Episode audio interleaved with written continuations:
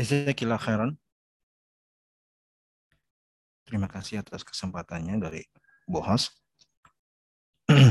Bismillahirrahmanirrahim. Assalamualaikum warahmatullahi wabarakatuh. Innalhamdulillah nahmaduhu ta'ala wa nasta'inuhu wa nastaghfiruh wa na'udzu billahi min syururi anfusina wa sayyiati a'malina may yahdihillahu fala mudhillalah wa may yudlilhu fala hadiyalah. La ilaha illallah wahdahu la syarikalah wa asyhadu anna Muhammadan abduhu wa rasuluh. Ya ayyuhalladzina amanu taqullaha haqqa tuqatih wa la tamutunna illa wa antum muslimun. Amma ba'd, fa ya ma'syaral muslimin wal muslimah, para peserta kajian Majelis Ta'lim Sahibul Jannah yang mudah-mudahan senantiasa dirahmati oleh Allah Subhanahu wa taala. Kita awali dengan memanjatkan syukur kita kepada Allah Subhanahu wa taala atas sekian banyak kebaikan yang kita jumpai, yang kita rasakan, yang kita dapatkan atau sesuatu kebaikan yang sifatnya batiniah. Tampak atau tidak tampaknya. Ya. Kita bersyukur kepada Allah atas segala kebaikan tersebut dan mudah-mudahan Allah beri taufik untuk kita bisa memanfaatkan sekian banyak kebaikan itu agar bisa menjadi wasilah untuk kita semakin dekat kepada Allah Taala. Salawat serta salam mari kita panjatkan untuk Nabi kita Nabi besar Nabi Muhammad Sallallahu Alaihi wa ala alihi Wasallam. Hadirin para peserta kajian yang saya hormati dan saya muliakan, seperti biasa untuk kajian kita di pertemuan uh, dua pekan sekali dan pada kali ini kita akan membahas kitab Bahjatu Qulubil Abrar. Ya, sebuah kitab atau sebuah buku yang di dalamnya terdapat kumpulan atau sejumlah hadis-hadis yang datang dari Rasulullah SAW ya, dibawakan oleh pengarang buku yang beliau telah seleksi ya, dari hadis-hadis tersebut yang teranggap sebagai hadis-hadis yang sangat penting dalam kehidupan kita ya hadis-hadis yang sangat penting untuk kita ketahui sehingga bisa kita jadikan sebagai pedoman dalam kehidupan kita, keseharian kita, apakah terkait dengan interaksi sesama kita atau dalam uh, hubungan kita dengan Allah sendiri atau terkait dengan diri kita sendiri. Ya. Inilah yang diinginkan dengan hadis-hadis yang beliau kumpulkan dalam buku ini. Ya, sebab sejatinya hadis Nabi itu sangat banyak ya sangatlah banyak jumlahnya hadis Nabi Shallallahu Alaihi Wasallam itu terlalu banyak. Ya, Sahih Bukhari saja itu luar biasa jumlahnya. Ya. Maka yang diinginkan di sini adalah hadis-hadis pilihan dari penulis rahimahullah taala untuk bisa dijadikan sebagai pedoman atau patokan ya rambu-rambu bagi kita dalam menjalani kehidupan sehari-hari. Hadis yang kita bahas pada malam hari, hari ini, hadirin yang saya hormati dan saya muliakan,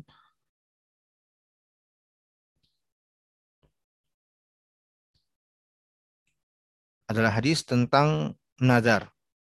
Ya, hadis tentang nazar. Nah, ini termasuk salah satu eh, perkara yang sangat erat dengan kehidupan kita. Ya tentang nazar. Ya, kita akan bahas kata penulis rahimahullahu taala al-hadis hadis yang ke-52 menunaikan nazar. An Aisyah radhiyallahu anha qalat qala Rasulullah sallallahu alaihi wasallam man nadara ayyuti Allah falyuti'hu wa man nadara ay fala ya'sih. Rawahul Bukhari. Yang artinya dari Aisyah radhiyallahu anha ia berkata Rasulullah shallallahu alaihi wasallam bersabda barang siapa yang bernazar akan mentaati Allah maka hendaklah dia mentaatinya. Ya, atau bisa diterjemah dengan hendaknya dia tunaikan. Ya, nazarnya tersebut. Dan siapa yang bernazar akan bermaksiat kepada Allah, maka janganlah dia bermaksiat kepadanya. Jangan dia tunaikan. Hadis ini diriwayatkan oleh Imam Al-Bukhari dalam sahihnya dengan nomor hadis 6202 dan 6206. Jika dikatakan bahwa hadis ini diriwayatkan Imam Bukhari ini memberikan ketenangan di hati kita ya bahwa kalau hadis yang diriwayat, diriwayatkan oleh Imam Al-Bukhari insya Allah bisa dipastikan akan sahihnya sehingga nyaman kita untuk mengambil pelajaran darinya. kita baca keterangan dari penulis yakni Syekh Abdurrahman As-Sa'di rahimahullah taala. Ya, kata beliau nazar adalah mewajibkan atas diri sendiri suatu ketaatan kepada Allah. Ya. Jadi kalau mau dijelaskan eh, uh, lebih uh, mudah untuk dipahami, nazar itu adalah perbuatan seseorang yang dia mewajibkan dirinya sendiri terhadap sesuatu dari amal ketaatan kepada Allah yang pada asalnya tidaklah diwajibkan baginya. Dia mewajibkan dirinya sendiri nih terhadap sesuatu dari amal ketaatan kepada Allah yang pada asalnya itu tidaklah wajib bagi dirinya. Pada asalnya nggak wajib, tapi dia mewajibkan dirinya sendiri. Ya, dia mewajibkan dirinya sendiri apakah dengan ya lafaz atau ucapan yang jelas lagi tegas mengandung makna kewajiban sehingga misalnya dia katakan ya saya harus begini dan begitu ini kalimat yang sorry atau jelas mengandung ya dipahami sebuah kewajiban atau dia mengenakan kalimat yang bermakna bisa dipahami darinya kewajiban Misalnya dengan kalimat penekanan. Ya. Dia mengucapkan kalimat-kalimat penekanan. Tidak boleh tidak misalnya. Saya harus begini dan seterusnya.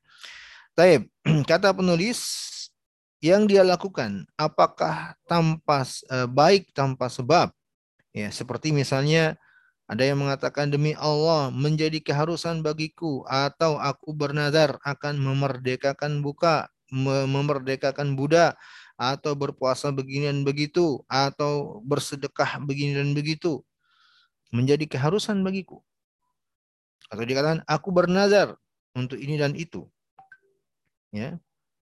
Atau kalau yang ini tadi dia nggak ada kaitan dengan sesuatu, dia telah dia menanamkan keinginan yang dia wajibkan dirinya sendiri terhadap hal tersebut tanpa ada kaitan dengan perkara lain. Ya. Ini kan mewajibkan dirinya sendiri. Kayak di sini diberikan contoh oleh penulis misalnya memerdekakan budak. Ya. Atau puasa sunnah misalnya. Atau sedekah yang sunnah. Yang pada asalnya semua ini bukanlah kewajiban bagi dia. Lalu dia wajibkan dirinya sendiri untuk hal tersebut. Ya. Taib. Atau dia wajibkan dirinya terhadap sesuatu yang pada asalnya tidak wajib baginya karena adanya suatu sebab. Ya, karena adanya suatu sebab. Diberi contoh oleh penulis ini seperti dia kaitkan dengan kedatangan seseorang yang telah lama pergi. Ya. Kalau si fulan yang telah lama berpisah denganku datang hari ini, aku akan berpuasa tiga hari. Atau dia kaitkan dengan kesembuhan penyakit. Kalau aku disembuhkan oleh Allah dari penyakit ini, maka aku akan bersedekah sebanyak ini dan itu rupiah. Atau dia kaitkan ya, dengan tercapainya perkara yang dia cintai. Ya, kalau nanti kamu lulus, atau dia sendiri, kalau saya lulus CPNS, ya, ujian atau tes CPNS, saya traktir semuanya. Atau hilangnya hal yang dia tidak sukai. Ya, hilangnya hal yang dia tidak sukai. Seandainya, ya misalnya, mendung ini, mendung cuaca hari ini, menjadi cerah, semuanya saya bayarin untuk makan di McD. Di saat seorang telah mendapatkan apa yang dia butuhkan, ya kemudian dia telah bernazar sebelumnya, wajib baginya untuk menaikkan nazar tersebut. Padahal kan tadi semua yang dia inginkan dari amalan karena terpenuhi keinginannya tadi itu kan bukan kewajiban semuanya. Dia traktir temennya atau dia berpuasa tiga hari tadi itu bukanlah kewajiban terhadap dirinya. Tapi karena dia ungkap dengan adanya keterkaitan dengan hal lain, ya, dan dia mengilzamkan dirinya sendiri, maka itu berarti dia mewajibkan dirinya sendiri. Ya, dia mewajibkan dirinya sendiri. Ya, jadi kewajibannya sebenarnya bukan dari syariat asalnya, ya, bukan dari Allah, ya, bukan juga dari Rasulullah Sallallahu Alaihi Wasallam pada asalnya, ya, terhadap hamba-hambanya, terhadap ya, pengikutnya oleh Nabi Sallallahu Alaihi Wasallam mewajibkan harus puasa tiga hari berturut, tidak, tidak pernah. Nabi juga tidak pernah mengharuskan seseorang mentraktir teman-temannya, tidak pernah juga. Jadi kewajiban tersebut bukan pada asalnya dari agama terhadap kondisi dirinya ya, tapi dia yang telah mewajibkan dirinya sendiri. Hadirin yang saya hormati dan saya muliakan, inilah definisi nazar. Ya. Seseorang mewajibkan dirinya sendiri terhadap sesuatu dari amal ibadah yang pada asalnya tidaklah diwajibkan oleh syariat bagi dirinya. Ya. Dan nazar ini, ya, hal ini hadirin yang saya hormati teranggap sebagai nazar apakah dia kaitkan dengan sesuatu atau dia tidak kaitkan dengan sesuatu untuk melakukan amal ibadah tersebut. Teranggap nazar. Jadi jangan hanya memahami nazar itu kalau ada kaitannya. Ya, kalau seandainya sembuh, ya maka dia akan berpuasa. Ini kan berarti dia berpuasa, dia akan jalankan puasa karena adanya keterkaitan dengan keinginannya agar sembuh. Ya, ini biasa nazar yang kita pahami selama ini ya yang terkait dengan sesuatu. Padahal nazar tidak tidak sebatas itu hadirin yang saya hormati dan saya muliakan bahwa nazar juga teranggap tatkala seseorang mengharuskan dirinya untuk melakukan atau mengerjakan suatu amal ibadah yang pada asalnya tidak wajib baginya. Walaupun tidak ada kaitan suatu, misalnya seseorang ya, hari ini saya harus bersedekah nanti kalau keluar saya harus bersedekah, ngasih sedikit sedekah kepada orang yang di pinggir jalan. Harus bagi saya. Maka ini nazar namanya. Walaupun tidak ada kaitan, dia bukan bersedekah karena sembuh, bukan karena yang diinginkan tercapai. Enggak, enggak ada kaitan sama sekali. Ya, inilah definisi nazar hadirin yang saya hormati dan saya muliakan. Pada intinya sih nazar itu adalah seseorang yang mewajib menempatkan ya dirinya sendiri ya terhadap sesuatu yang pada asalnya bukanlah sebuah kewajiban. Kemudian sebagai pendahuluan juga untuk kita ketahui bersama peserta kajian Majelis Ta'lim Sahibul Jannah rahimani wa rahimakumullah. Nazar ini teranggap sebuah amal ibadah. Ini harus kita ketahui. Nazar teranggap salah satu dari jenis-jenis ibadah dalam agama kita. Tapi sebenarnya lebih yang diinginkan dengan hal ini ibadahnya itu ketika menunaikannya. Ya. Nazar teranggap sebagai salah satu ibadah kepada Allah Jalla wa'ala. Kenapa nazar dianggap sebagai salah satu ibadah? Atau kenapa nazar dianggap sebagai ibadah? Yang kita menghambakan diri kita kepada Allah dengannya. Sebab di dalam Al-Quran di surah Al-Insan ayat ke ya, uh, di sini ada mungkin ya, ayat ke 70 ya atau berapa ini. Ya itu. Ayat ke-7 ya. Ayat ke-7 Allah Jalla wa ala berfirman yufuna bin nadri wa yakhafuna yawman kana syarruhu mustatira Allah Jalla wa'ala berfirman, ya, mereka menunaikan nazar-nazarnya dan mereka adalah orang-orang yang takut di hari yang di saat itu akan dibentangkan, akan dibukakan segala ya, amal buruk yang telah mereka kerjakan. Ya, artinya mereka adalah orang-orang yang menunaikan nazar karena takutnya mereka kepada Allah Subhanahu wa taala. Karena mereka takutnya kepada Allah Jalla wa'ala, maka mereka menunaikan nazar. Sehingga ayat ini, hadirin yang saya hormati dan saya muliakan, ya, mengandung makna pujian dari Allah Subhanahu wa taala. Ya, mengandung makna pujian dari Allah Subhanahu wa taala terhadap orang yang menunaikan nazarnya. Itu sisi pendalilannya. Dalam ayat Allah memuji orang-orang yang Allah Jalla wa'ala muliakan kelak pada hari kiamat adalah orang-orang yang menunaikan nazarnya. Ya. Maka ayat ini menjelaskan nazar itu kalau demikian adalah ibadah. Sebab tidak mungkin Allah Subhanahu wa taala memuji sesuatu tidak mungkin Allah memuji sesuatu jika Allah tidak mencintainya. Tidak mungkin. Tidak mungkin Allah memuji sesuatu jika Allah tidak mencintainya. Ya. Dan segala sesuatu yang Allah cintai itulah ibadah. Segala yang Allah Subhanahu wa taala cintai untuk hambanya kerjakan itulah ibadah. Ya, makanya definisi ibadah ya untuk kita ingat kembali walaupun sering kita ulang ya. Ibadah itu apa? Ya, at-tadallul wal khudu' lillahi ma'a mahabba wa ta'zim ketundukan, kepatuhan, ya, penghambaan kepada Allah yang disertai dengan pengagungan dan rasa cinta. Ya. Itu definisi ibadah.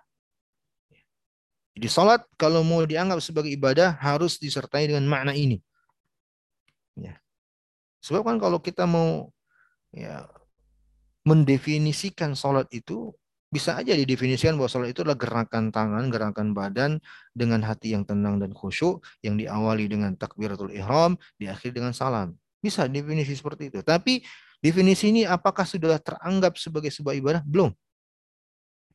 Ya. Bisa aja semua melakukan gerakan-gerakan tersebut. Ya. Non muslim pun bisa melakukan gerakan-gerakan tersebut. Kapan dia teranggap sebagai ibadah? Kalau dia kerjakan ketika disertai dengan pengagungan kepada Allah dan rasa cinta kepada Allah Jalla. Ya, jadi dia sholat bukan karena sebatas ikut-ikutan, bukan juga karena tradisi, bukan juga karena kebiasaan, tapi karena dia memuliakan dan mengagungkan Allah sehingga dia menghambakan dirinya kepada Allah. Karena dia cinta kepada Allah Jalla wa'ala, makanya dia menghambakan dirinya kepada Allah Jalla wa'ala. Ya. Dan juga ingat definisi ibadah yang diterangkan oleh Syekhul Islam Ibnu Taimiyah dan ini telah kita kupas ya dalam kajian Al-Usul Salasa. Bahwa ibadah itu kata beliau ismun jami'un likulli ma yuhibbuhu Allah wa yardah. Ibadah itu adalah sebuah penamaan untuk sesuatu yang menunjukkan ya segala perkara yang dicintai oleh Allah dan diridhoinya. Kalau ada perkara ini itulah dicintai atau diridhoi oleh Allah, maka bisa dipastikan itulah ibadah. Kenapa? Karena Allah Jalla wa'ala menginginkan agar kita mewujudkannya. Ketika kita mewujudkannya, itulah penghambaan kita kepada Allah. Itulah ibadah kepada Allah Tabaraka wa Ta'ala. Ya. Dan kita tidak mungkin ya menentukan ini dicintai atau tidak dicintai oleh Allah. Tidak bisa kita menetapkan hal ini kecuali cuma dengan satu cara. Tidak ada cara lain. Yaitu dengan cara mengetahui keterangan yang datang dari Al-Quran atau hadis. Menetapkan ini ibadah atau tidak hanya dengan satu cara, yaitu dengan adanya pendalilan apakah dari Al-Quran atau Sunnah Nabi Shallallahu Alaihi Wasallam. Tidak boleh atau tidak ada cara lain. So kalau dibuka cara lain maka akan terjadi ya keributan, ya perselisihan, perdebatan. Sebab bisa jadi sebagian orang mengatakan ya menurutnya ini ibadah, ya dan bisa jadi dibantu oleh pihak lain bukan. Menurut kami ini ibadah. Ya, maka ibadah ya harus ditetapkan bahwa penentuannya hanya berdasarkan Al-Quran atau hadis Nabi Sallallahu Alaihi Wasallam. Maka kita kembali ke, ke nazar. Nazar itu teranggap ibadah karena Allah Jalla wa'ala memuji orang-orang yang memenuhi nazarnya. Di surat Al-Insan ayat ke-7. Allah memuji mereka. Maka kalau sudah ditetapkan nazar ini adalah ibadah, tidak boleh bagi seorang pun ya, memalingkan nazarnya kepada selain Allah. Tidak boleh. Dia tunaikan, dia niatkan, dia lakukan dalam rangka selain kepada Allah Jalla wa'ala. Ya, untuk berhala misalnya, untuk pepatung misalnya, atau untuk bah, uh, untuk kuburan orang-orang tertentu dari orang-orang yang soleh misalnya, tidak boleh. Tidak boleh nazar itu dilakukan karena selain Allah Jalla wa'ala.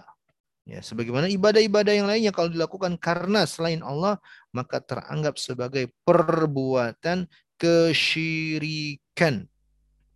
Perbuatan kesyirikan. Makanya Nabi SAW dalam hadis yang kita bahas tadi mengatakan bahwa kalau ada yang nazar untuk bermaksiat kepada Allah jangan dia penuhi. Jangan dia penuhi. Ya, maka hadirin yang saya hormati dan saya muliakan ya untuk nazar ya karena teranggap sebagai ibadah tidak boleh ya dilakukan karena selain Allah Subhanahu wa taala. Ya, teranggap kesyirikan kepada Allah Jalla wa'ala apabila dilakukan karena selain Allah Subhanahu wa taala. Ya. Taib. Selanjutnya kata penulis, hadis ini mencakup mencakup seluruh ketaatan. Barang siapa yang bernazar melakukan ketaatan yang wajib ya atau mustahab ya maka wajib baginya untuk menunaikan nazar tersebut.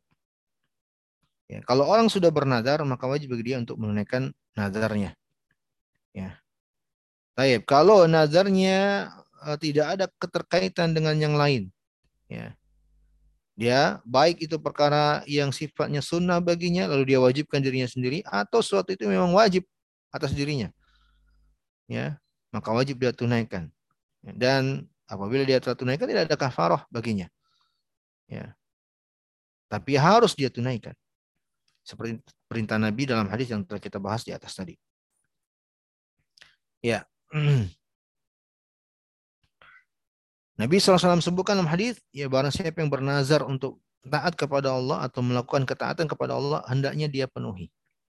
Hendaknya dia penuhi. Kata para ulama, sepakat bahwa para ulama menjelaskan barang siapa yang telah bernazar ya, telah bernazar apakah terkait dengan sesuatu atau tidak terkait dengan sesuatu wajib baginya untuk menunaikannya ya wajib untuk dia menunaikannya Tapi begitu pula kata menulis pujian Allah Subhanahu wa taala bagi siapa yang menunaikan nazar dalam firman-Nya.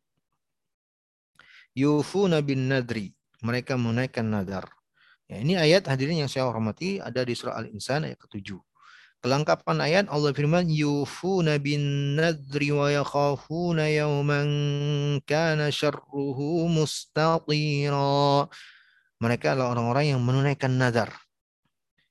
Dan mereka orang-orang yang takut dengan hari yang di saat itu azabnya akan diratakan di mana-mana. Ini adalah orang-orang yang dipuji oleh Allah Jalla wa'ala. Yang memiliki rasa takut kepada Allah Jalla wa'ala. Sehingga ya ayat ini juga mengandung makna pujian dari Allah Jalla wa'ala kepada orang-orang yang menunaikan nazarnya. Ya. Karena mereka takut terhadap hari yang di saat itu akan dipertanggungjawabkan sebuah amalan. Makanya mereka tunaikan nazar. Ya. Hadirin yang saya hormati dan saya muliakan. Kata para ulama, al-yawmal ladzi yukhafunahu huwa yaumul qiyamah. Hari yang mereka takutkan dalam ayat itu bagi orang-orang yang menaikkan nazar itu adalah hari yang terjadi pada hari kiamat nanti. Itulah hari kiamat. Wa huwa yakunu syarruhu mustatira. Ya, hari yang di saat itu ya, akan terlihat azab dengan merata di mana-mana. Zahiran wajah wajaliyah ya terlihat dengan nyata atau yang tidak terlihat dengan kasat mata. Yukhafuna dzalikal yaum, itulah hari yang mereka takutkan. Ini pada saat itu mereka akan berdiri di hadapan Allah Subhanahu wa taala. Ya. Maka hadirin yang saya hormati dan saya muliakan karena takutnya mereka kepada Allah yang membuat mereka akhirnya menunaikan nazar nazar mereka. Ya, menunaikan nazar nazar mereka. Taib. Lalu penulis menambahkan, perhatikan bukunya, kata beliau rahimahullah, Padahal mengadakan nazar itu hukumnya makruh, tidak disukai. Yang sebagaimana sabda Nabi SAW dalam sebuah hadis beliau melarang untuk bernazar. Beliau bersabda, "Innahu la ya'ti bi khairin wa innama yustakhraju minal bakhil." Sesungguhnya nazar itu tidaklah mendatangkan kebaikan sedikit pun. Hanya saja ia digunakan untuk mengeluarkan kebaikan dari orang yang bakhil. Ya. Ya, disebut oleh Nabi hanya saja nazar itu ya dilakukan oleh orang yang bakhil. Ya, Masya Allah. Benarlah sabda Nabi alaihissalam. Misalnya ada yang bernazar nih, kalau dia lulus maka dia akan bersedekah. Berarti kalau Allah Jalla wa'ala menetapkan ya seandainya diuji tidak lulus, nih saya dia tidak akan bersedekah. Kan bakhil namanya. Orang bakhil kan seperti itu, terlalu perhitungan. Terlalu perhitungan. Dan selalu berharap ada feedback dari apa yang dia keluarkan. Itulah orang bakhil namanya. Itulah bakhil. Ya. Nah, nazar ini Nabi katakan tidaklah dilakukan kecuali orang-orang oleh orang-orang yang bakhil. Oleh orang-orang yang bakhil. Ya, sebab kenapa? Dia tidak akan mengamalkan kalau tidak dipenuhi keinginannya. Padahal Allah Jalla, eh, Rasulullah telah terangkan dalam hadis, nazar itu tidak akan merubah takdir. Tidak mendatangkan kebaikan bagi seorang sedikit pun. Ya, apakah dengan bernazar mengatakan kalau dia sembuh maka dia bersedekah sehingga ya Allah pasti Allah akan sembuhkan? Enggak. Tidak ada yang memaksa Allah Jalla wa'ala sama sekali si fulan tersebut dia bernadar atau tidak bersama dia bernadar atau tidak bernadar atas kesembuhannya tidak ada yang memaksa Allah Subhanahu wa taala sama sekali. Allah tetap tetap akan sembuhkan kalau memang Allah berkehendak untuk menyembuhkannya atau Allah tidak akan menyembuhkannya kalau Allah memang berkehendak akan hal tersebut. Ya. Hadirin yang saya hormati dan saya muliakan. Oleh karena itulah ya berdasarkan keterangan penulis di sini Ya, para ulama lain juga menjelaskan bahwa nazar itu eh nazar, nazar ya, bukan nazar. Nazar itu pada asalnya hukumnya makruh. Pada asalnya hukumnya makruh. Apalagi nazar yang e, muqayyad. Nazar yang terkait dengan sesuatu. Itu hukumnya makruh. Ya, makruh yang diinginkan di sini adalah sebaiknya jangan dilakukan sebaiknya jangan dilakukan. Sebaiknya ditinggalkan. Nabi dengan tegas dalam hadis, ya innama yustakhraju minal bakhil kata Nabi.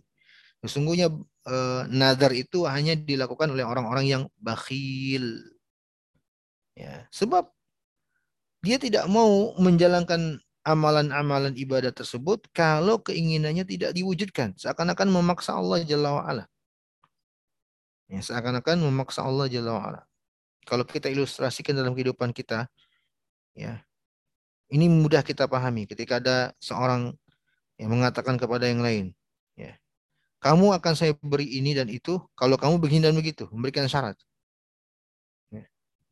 Dalam kehidupan kita sehari-hari bisa dimaklumi, tapi kalau konteks kalimat seperti ini dituju kepada Allah Jalla wa'ala, sungguh sangat tidak layak ya sungguh sangat tidak layak. Ya. Saya akan bersedekah karenamu ya Allah. Saya akan berpuasa karenamu ya Allah kalau engkau sembuhkan. Kan sebenarnya sebuah kelancangan. Ya, sangat lancang sebenarnya. Tapi ketika telah terlanjur untuk bernazar, maka wajib untuknya menunaikan nazar tersebut. Ya. Makanya hadirin yang saya hormati dan saya muliakan, Ya, para ulama menjelaskan bahwa nadar itu pada asalnya hukumnya makruh untuk seseorang yang belum dia bernadar, lalu timbul keinginan bernadar, makruh baginya untuk bernadar. Ya, dan bahkan sebagian ulama mengatakan haram hukumnya nazar itu, bukan makruh. Sebagian ulama mengatakan haram. Kenapa? Karena dalam hadis Nabi SAW sebenarnya mengandung makna larangan, celaan, ketika beliau mengatakan wa inna ma yustakhraju minal bakhil ya innahu la ya'ti bi khair nazar itu tidak menandakan kebaikan dan nazar itu hanya dilakukan oleh orang-orang yang bakhil. Ini mengandung makna larangan sebenarnya, celaan dari Nabi SAW. Dan pada asalnya larangan Nabi itu ber, bermakna haram. Ya. Hadirin yang saya hormati dan saya muliakan. Tetapi yang benar dalam masalah ini adalah pendapat para ulama yang mengatakan nazar itu makruh.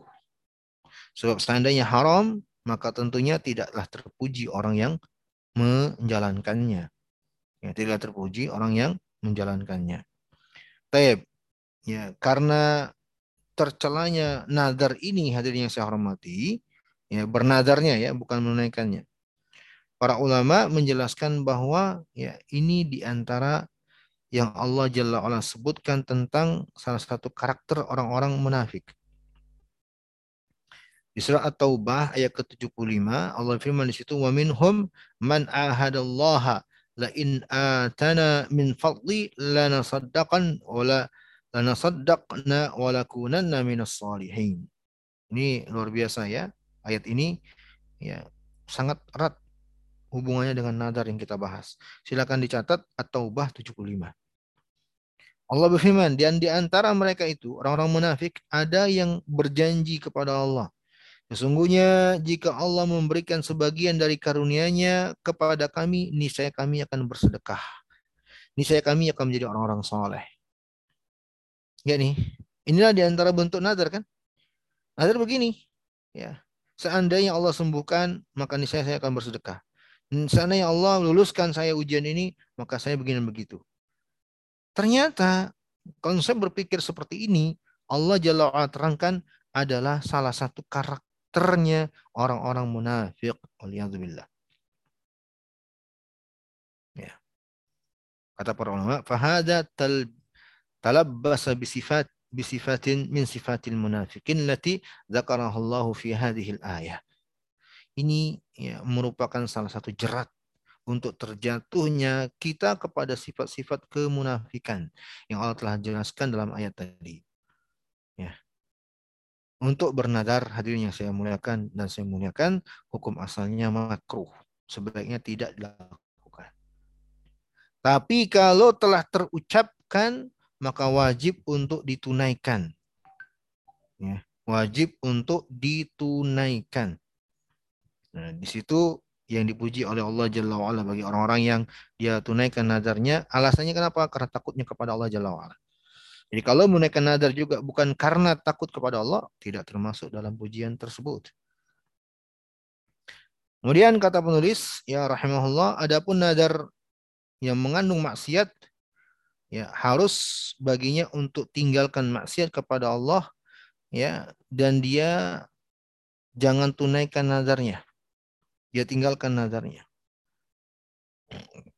Ya. Kata penulis meskipun dia telah menadarkannya, diucapkan nadarnya. Tapi pada perkara yang bermaksud kepada Allah, sebenarnya dia laku, jangan lakukan, jangan dia penuhi.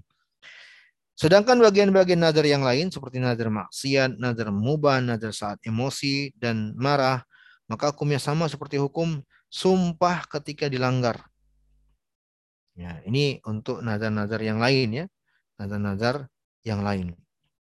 Kalau seandainya tidak ditunaikan, maka wajib bagi orang yang bernadar tersebut untuk membayar kafarah ya tebusan. Ya dan tebusan atau kafarahnya adalah sama seperti kafarah sumpah yang tidak dipenuhi. Ya dikaitkan dengan sumpah. Kenapa? Karena nazar itu sejatinya juga mirip dengan sumpah. Ya dia berjanji ingin begini dan begitu kalau begini dan begitu. Itu kan sumpah sebenarnya. Ya hadirin yang saya hormati dan saya muliakan rahmani wa rahimakumullah. Ya, ini akan saya tambahkan beberapa penjelasan tambahan tentang nazar untuk kita ketahui bersama Ya, setelah kita ketahui tadi definisinya dan beberapa penjelasan dari penulis kitab rahimahullah taala tentang makna dan bentuk, bentuk uh, apa namanya aplikasi dari nazar tersebut, ya hadirin saya hormati dan saya muliakan ketahuilah bahwa nazar itu hukum asalnya adalah makruh. Ya. Dan ini diterangkan oleh para ulama Ya, kenapa? Sebenarnya dalam nazar itu hadirin yang saya hormati dan saya muliakan. Ya. Ada dua sisi yang yang perlu untuk diperhatikan pada sebuah nazar. Ya. Yang pertama min jihatin niyatin nazar ibtidaan ay hukum nazar umuman qabla yanzur nadra nadiru syai'an wal janib al akhar hukum nazar ba'da ay yaqa min an nadir wa bima yali bitafsil al amr. Sisi yang pertama niat orang yang bernadar dari awal. Ya, maka ini yang dihukumi secara umum. Ya. Sebelum terucapkan oleh orang yang bernadar akan nadarnya. Kemudian juga dilihat pada pembahasan nadar itu terkait dengan setelah terucapkannya sebuah nadar. Ada hukum terkait dengan ya yang menunaikan nadar-nadarnya. Ya. Hadirin yang saya hormati dan saya muliakan rahimani wa rahimakumullah ya untuk kita ketahui bersama bahwa nazar itu ya teranggap apabila terpenuhi syarat-syaratnya. Nazar itu teranggap secara syariat apabila terpenuhi syarat-syaratnya. Ya, nazar itu ada syarat-syaratnya. Ya. Syurutun nazar dan syurutun nazir. Ya, dalam pembahasan nazar, syurut atau syarat nazar itu terbagi menjadi dua ada syarat bagi orang yang bernazar dan ada syarat pada nazarnya. Dikatakan syarat berarti hal-hal ini adalah penentu teranggap sah atau tidaknya nazarnya.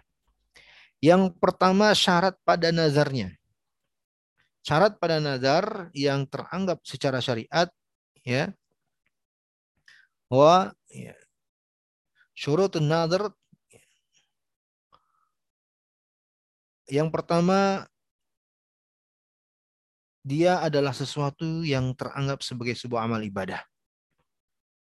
Ya. Ghairu wajibah bighairi nazar. Ya, yang pada asalnya bukanlah wajib bagi dirinya tanpa dia bernazar. Ya, jadi dia adalah sebuah amal ibadah. Ya. Kemudian ya, yang kedua syarat nazar juga yang dia ya jadikan sebagai ya al-mandur al-mandur yang dinazarkan terhadapnya itulah ibadah maksudah. Ibadah yang dituju, bukan ibadah wasilah. Ya, ibadah wasilah. Bukan. Ya, jadi ibadah itu secara umum hadirin yang saya hormati dan saya muliakan, ada ibadah inti, ada ibadah tambahan. Ya. Atau pelengkap, penyempurna dalam sebuah rangkaian ibadah. Nah, yang diinginkan dan dijadikan sebagai syarat untuk sebuah nazar, seseorang boleh ya apa nazarnya teranggap kalau dia menjadikan dalam nazarnya ibadah yang inti, bukan ibadah yang pelengkap. Ya.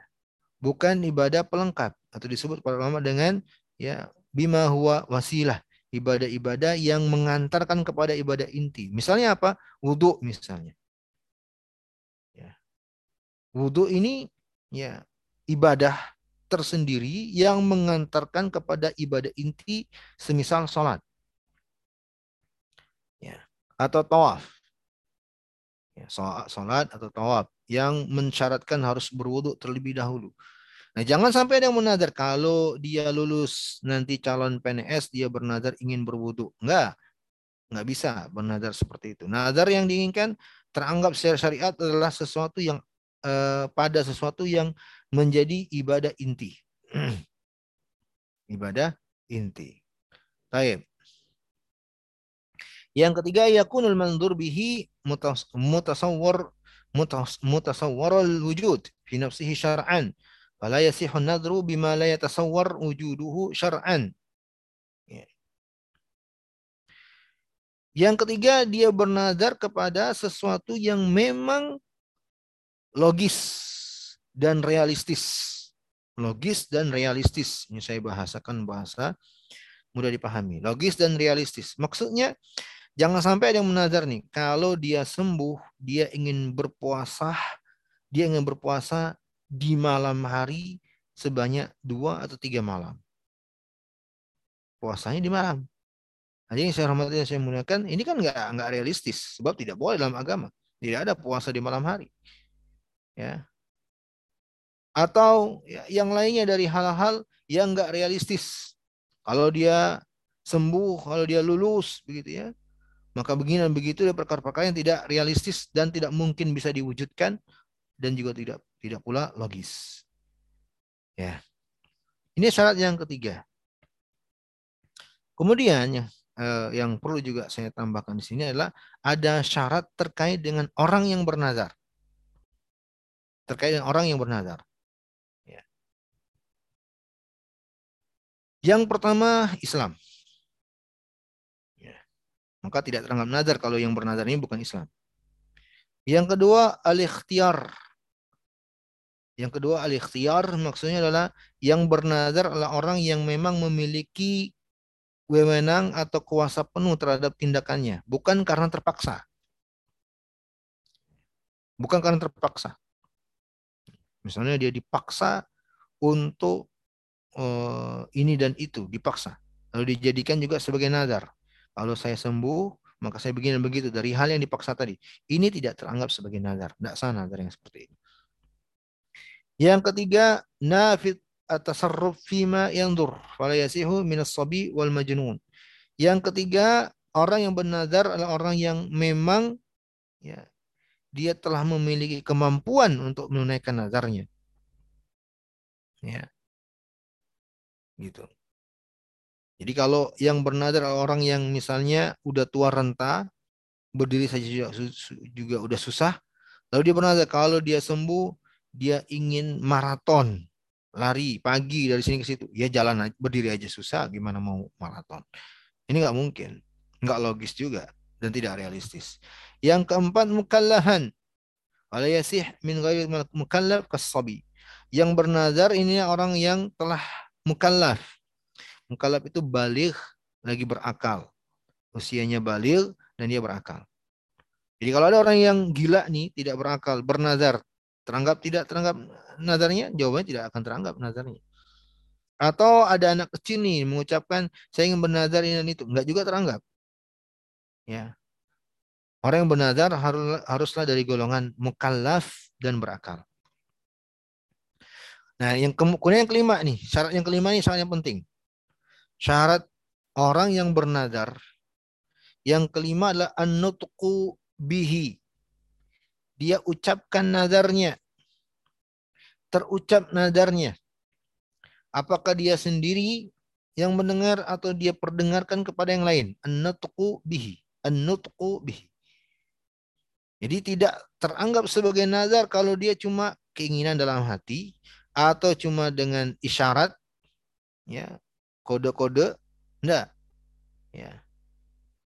Kecuali bagi orang yang bisu ya barangkali yang tidak bisa berbicara, dia memberikan isyarat dengan isyarat yang bisa dipahami. Itu memang wajar karena dia bisu. Tapi kalau dia orang yang bisa berbicara dengan baik dan benar, nadarnya tidak teranggap kalau dia berkode-kodean. Ya, tidak terucap lagi. Jadi kalau seorang belum terucap dengan lisannya, dengan nadarnya itu belum teranggap sebagai sebuah nazar. Maka ini lima syarat orang yang bernazar hadirin. Yang pertama dia Islam, yang kedua ikhtiar, arti dalam artian tidak terpaksa. Yang ketiga dia mampu ya untuk mewujudkan nazarnya. Yang keempat dia adalah termasuk mukallaf dan yang kelima dia ucapkan dengan lisannya nazarnya tersebut. Ya. Baik, ini hadirin yang saya hormati dan saya muliakan terkait dengan ya syarat nazar. Sehingga tadi ditekankan ya bahwa nazar itu teranggap kalau dia ucapkan nih syarat yang kelima tadi. Harus dia ucapkan. Kata Imam Al-Jaziri la yushtarat ya. E, lin nazar sighatan uh, sighatun khasah. Jadi nazar itu walaupun dipersyaratkan harus diucapkan, kata para ulama tidak juga harus uh, dengan sigoh tertentu. Tidak. Memang dipersyaratkan dia diucapkan, tapi tidaklah diharuskan adanya kalimat yang tertentu lagi khusus. Tidak, tidak ada. Silakan aja. Mau kalimat atau ucapannya bagaimana, selagi terpahami itulah nazar, maka itulah yang diinginkan dengan bahwa nazar harus diucapkan. Dan apa ucapannya dan bagaimana ucapannya ini tidak ada keharusan. Tidak ada keharusan. Kemudian para ulama membagi jenis-jenis nazar. Para ulama membagi jenis-jenis nazar. Ya. Nazar itu ada dua kategori. Ini sesuai kesimpulan dari apa yang telah kita bahas dari buku tadi ya. Bahwa nazar itu terbagi menjadi dua. Ada namanya nazar mutlak ada nazar ada namanya nazar muqayyad namanya. Yang pertama nazar mutlak, yang kedua nazar muqayyad. Nazar mutlak adalah nazar yang tidak terikat dengan sesuatu. Seseorang mewajibkan dirinya sendiri pada sesuatu yang tidak wajib pada asalnya bagi dirinya, ya, dia ucapkan tapi bukan karena sesuatu apa pun. Ya, maksudnya tidak ada kaitannya dengan perkara-perkara lain. Ya. Bukan karena sembuh, bukan karena lulus, enggak. Ini namanya nazar mutlak. Ya. Yang kedua nazar muqayyad namanya. Ini nazar muqayyad yang kebanyakan kita memahami nazar itu cuma ini nih. Itu nazar yang dilakukan oleh seseorang karena adanya perkara lain yang menjadi sebab dia bernazar. Kalau lulus baru puasa. Kalau sembuh dia akan bersedekah. Kalau selamat dia akan beri hadiah. Kalau dan seterusnya ya dari nazar-nazar yang dilakukan karena ada keterkaitan dengan perkara lain. Taib. Hadirin yang saya hormati dan saya muliakan. Maka inilah jenis nazar secara umum terbagi menjadi dua. Ya, nazar mutlak dan nazar muqayyad namanya. Ya. Yang jenis kedua ini untuk nazar muqayyad nazar yang dilakukan karena adanya perkara lain menjadi sebab dia bernazar, pada asalnya hukumnya makruh. Ini kesimpulan kita pembahasan dari pertemuan hari ini. Pada asalnya nazar yang sifatnya muqayyad ini makruh, makruh litanzi, maknanya sebaiknya jangan dilakukan. Yang paling utama tidak dikerjakan, yang paling afdolnya jangan. Tapi kalau dilakukan, ya tidak mengapa ya silakan dia penuhi nazarnya. ya, bahkan kata para ulama kalau dia telah bernazar ya, kadung terucapkan maka wajib ya hukumnya menjadi wajib hukumnya bagi dia untuk menunaikan nazarnya. Dan nazar inilah hadirin yang saya hormati dan saya muliakan ya kebanyakan yang terjadi di tengah kaum muslimin. Nazar yang bentuk kedua ini. Ya, nazar yang dilakukan karena ada keterkaitan perkara lain. Hadirin yang saya hormati dan saya muliakan, tadi di kita kembali ke buku ya, penulis rahimahullah taala mengatakan di halaman 47 ya. Eh, bukan 47 ya. Halaman 198. Ya. Atasnya Baik.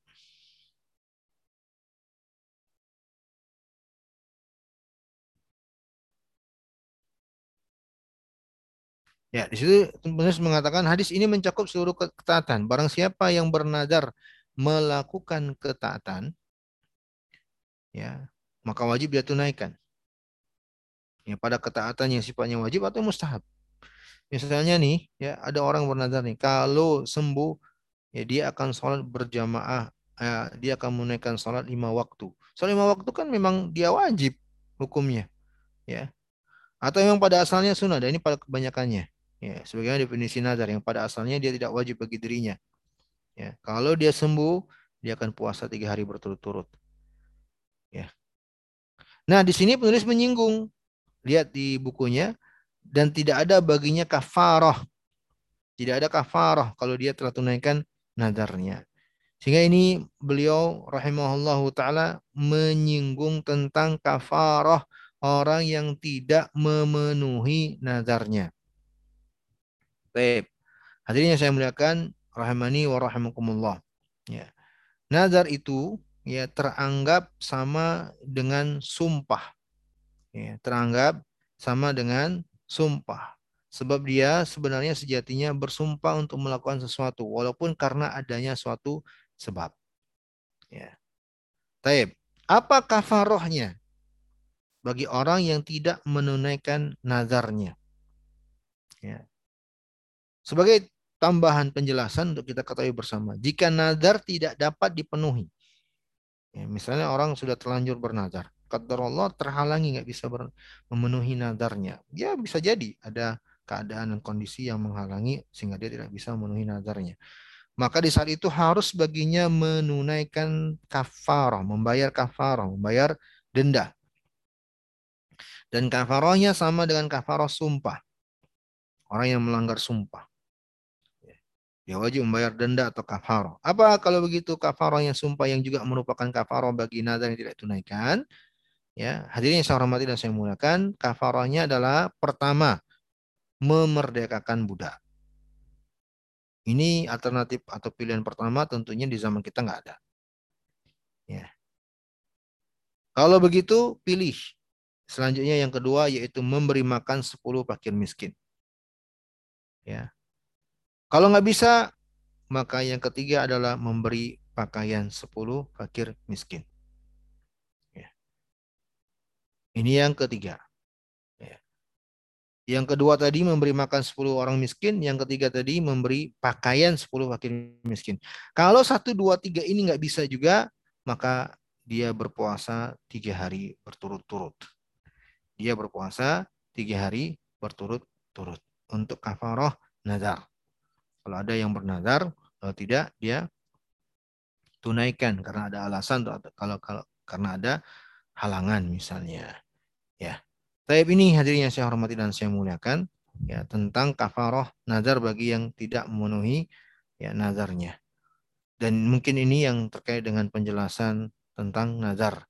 Ya, sekali lagi pada intinya yang kita ingin tekankan bahwa pada asalnya tidak perlu bernazar-nazar. Ya, kalau kita ingin meminta kepada Allah berdoa aja, ya Allah luluskan, ya Allah mudahkan, ya Allah berilah yang terbaik. Ya, tidak perlu nazar-nazar, tidak perlu nazar-nazar. Ya, sehingga dengan mengatakan ya Allah luluskanlah aku, kalau aku lulus ya Allah aku akan puasa, tidak perlu. Ya. Tadi setelah, setelah saya singgung ini seakan-akan memaksa Allah Jalla wa'ala dan tidak pantas. Allah Maha Kuasa dan Maha Perkasa, Maha menentukan segala sesuatu. Emang siapa kita yang mengajukan syarat kepada Allah tabaraka wa taala kan sangat tidak pantas. Ya, tapi seandainya telah terucap sebuah nadar, maka penuhilah nadarmu. Wajib untuk memenuhi nadar tersebut. Ya. Dan orang yang memenuhi nadarnya karena takutnya kepada Allah, ya artinya dia takut pertanggungjawabannya kelak di hadapan Allah itu dipuji oleh Allah Jalla wa'ala. Orang-orang yang mendapatkan pujian dari Allah Subhanahu wa taala. Tapi sama sekali ya jangan dijadikan sebagai dalil. Kalau begitu ya kita kita bernadar dong. Kok kayaknya kontradiksi nih? Enggak. Ya, tidak tidak ada kontradiksi sama sekali. Ya, tidak ada pertentangan sama sekali. Sebab yang pertama adalah hukum asal. Hukum asal bernadar. Itu makruh hukumnya. Hukum asalnya bernadar itu makruh. Sebaiknya jangan. Ya, tapi kalau sudah terlanjur bernadar, maka penuhilah nadarnya. Yang Allah puji adalah orang yang menunaikan nadarnya, bukan orang yang bernadarnya. Ya. Sehingga bukan artinya juga ya sebagai motivasi untuk bernadar tidak sama sekali. Ya, taib hadirin yang saya hormati dan saya muliakan, tetaplah hukum asalnya bernadar itu makruh.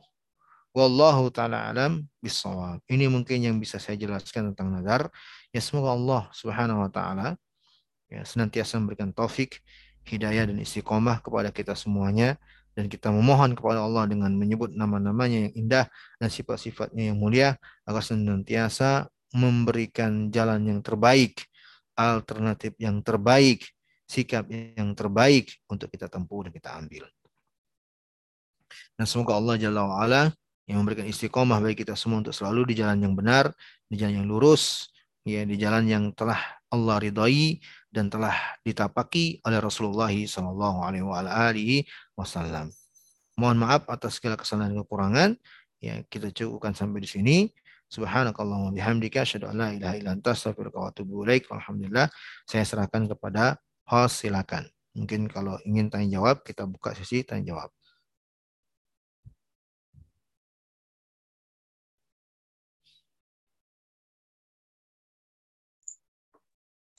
Baik, terima kasih Pak Ustadz atas paparannya. Untuk sesi selanjutnya yaitu tanya jawab. Eh, di chat sudah ada Pak Ustadz eh, pertanyaan dari Dr. Nurul. Assalamualaikum warahmatullahi wabarakatuh Pak Ustadz dan jamaah solihin. Bagaimana hukumnya nazar jika yang bernazar sudah meninggal dan keturunan tahu ataupun tidak tahu tentang nazar tersebut? Nazarnya tidak mengandung kemusyrikan. Ya, Bismillah, alhamdulillah, wassalatu wassalamu ala rasulillah wa ala alihi wa ashabihi wa man wala. Ya, ini juga termasuk pertanyaan yang sangat penting sekali ya. Dan sangat menarik untuk kita ketahui bersama. Bagaimana hukumnya kalau yang bernadar dengan nadar yang telah ya disampaikan ya dia telah meninggal ya dan mungkin yang diinginkan dengan pertanyaan ya bahwa nazarnya mungkin belum ditunaikan ya. Sepertinya itu yang kalau nazarnya telah ditunaikan kan berarti nggak nggak jadi masalah kan. Nazarnya belum ditunaikan. Ya. Bagaimana hukumnya? Dan bagaimana pula ya dengan keturunannya, ya, anak-anaknya, ya, tahu ataupun tidak tahu akan nazar tersebut. Dan nazarnya tidak mengandung kemusyrikan. Bagus ya, kalau nazarnya tidak mengandung kemusyrikan, bagus, masya Allah.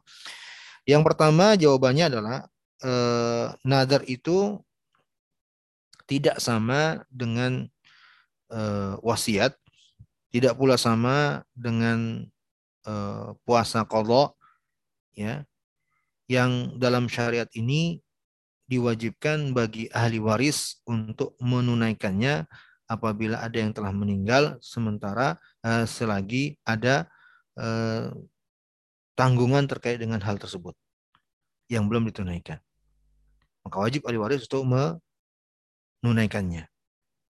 Ya, misalnya pada wasiat. Ya, wasiat seseorang sebelum dia meninggal kepada anak-anaknya atau dia tulis wasiatnya. Ya, dia tulis yang dia tidak tuju siapa-siapa. Dia wasiat, dia tulis wasiat misalnya kalau meninggal ya saya ingin begini dan begitu. Tolong dijalankan. Ya.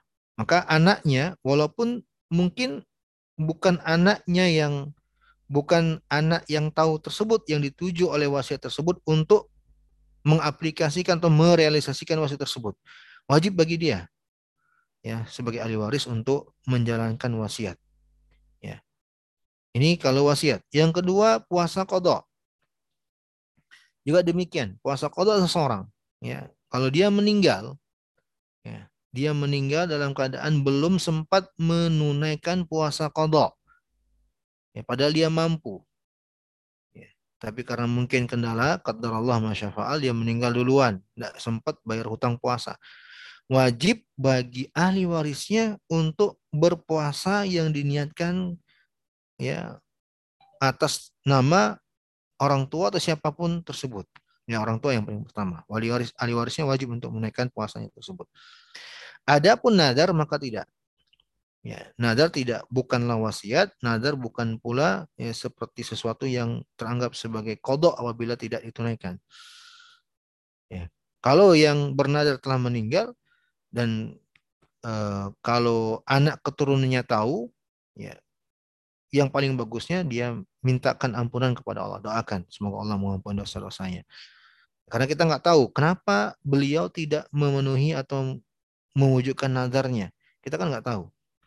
Kalau dia tidak menunaikan nadarnya karena adanya uzur, adanya sesuatu, ya, ya mudah-mudahan ya Allah maafkan. Ya, kenapa dia tidak membayar kafarah? Atau dia tidak menunaikan nadarnya karena ketidakmampuan. Ya. Ketidakmampuan. Ya, ini juga kita nggak tahu kan mana ya, yang menjadi alasan kenapa dia tidak memenuhi nadarnya, keburu meninggal. Maka yang paling ya bisa dilakukan oleh ahli waris adalah memintakan ampunan kepada Allah, memperbanyak doa semoga Allah mengampuni dosa-dosa beliau.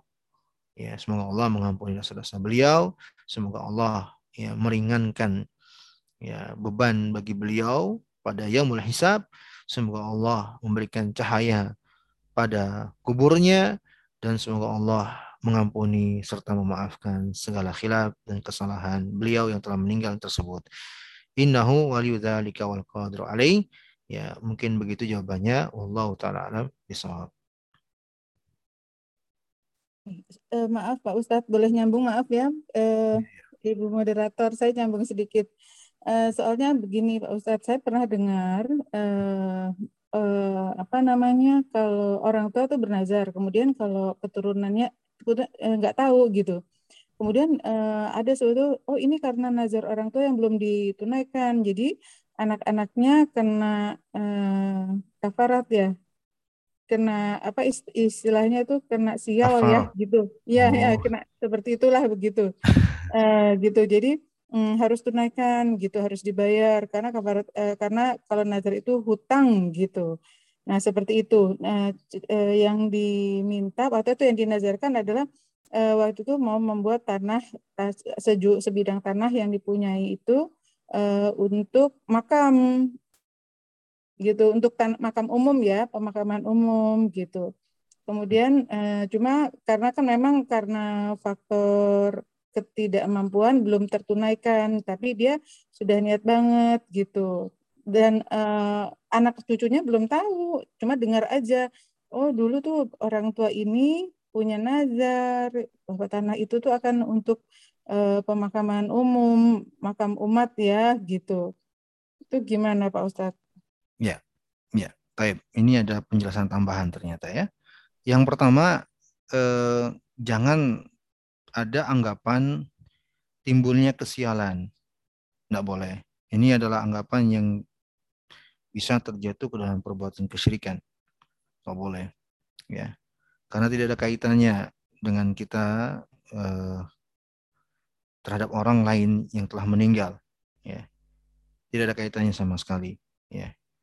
Allah Subhanahu wa taala menetapkan segala sesuatu ya pada hamba-hambanya sesuai dengan amalan-amalan kita masing-masing. Ya. La taziru waziratu wizra ukhra. Ya, Allah Jalla wa'ala berfirman, Allah tidak akan membebankan dosa seseorang kepada yang lainnya. Ya, seandainya itu sebuah perbuatan dosa. Ya. Jadi tidak ada jangan ada anggapan sial.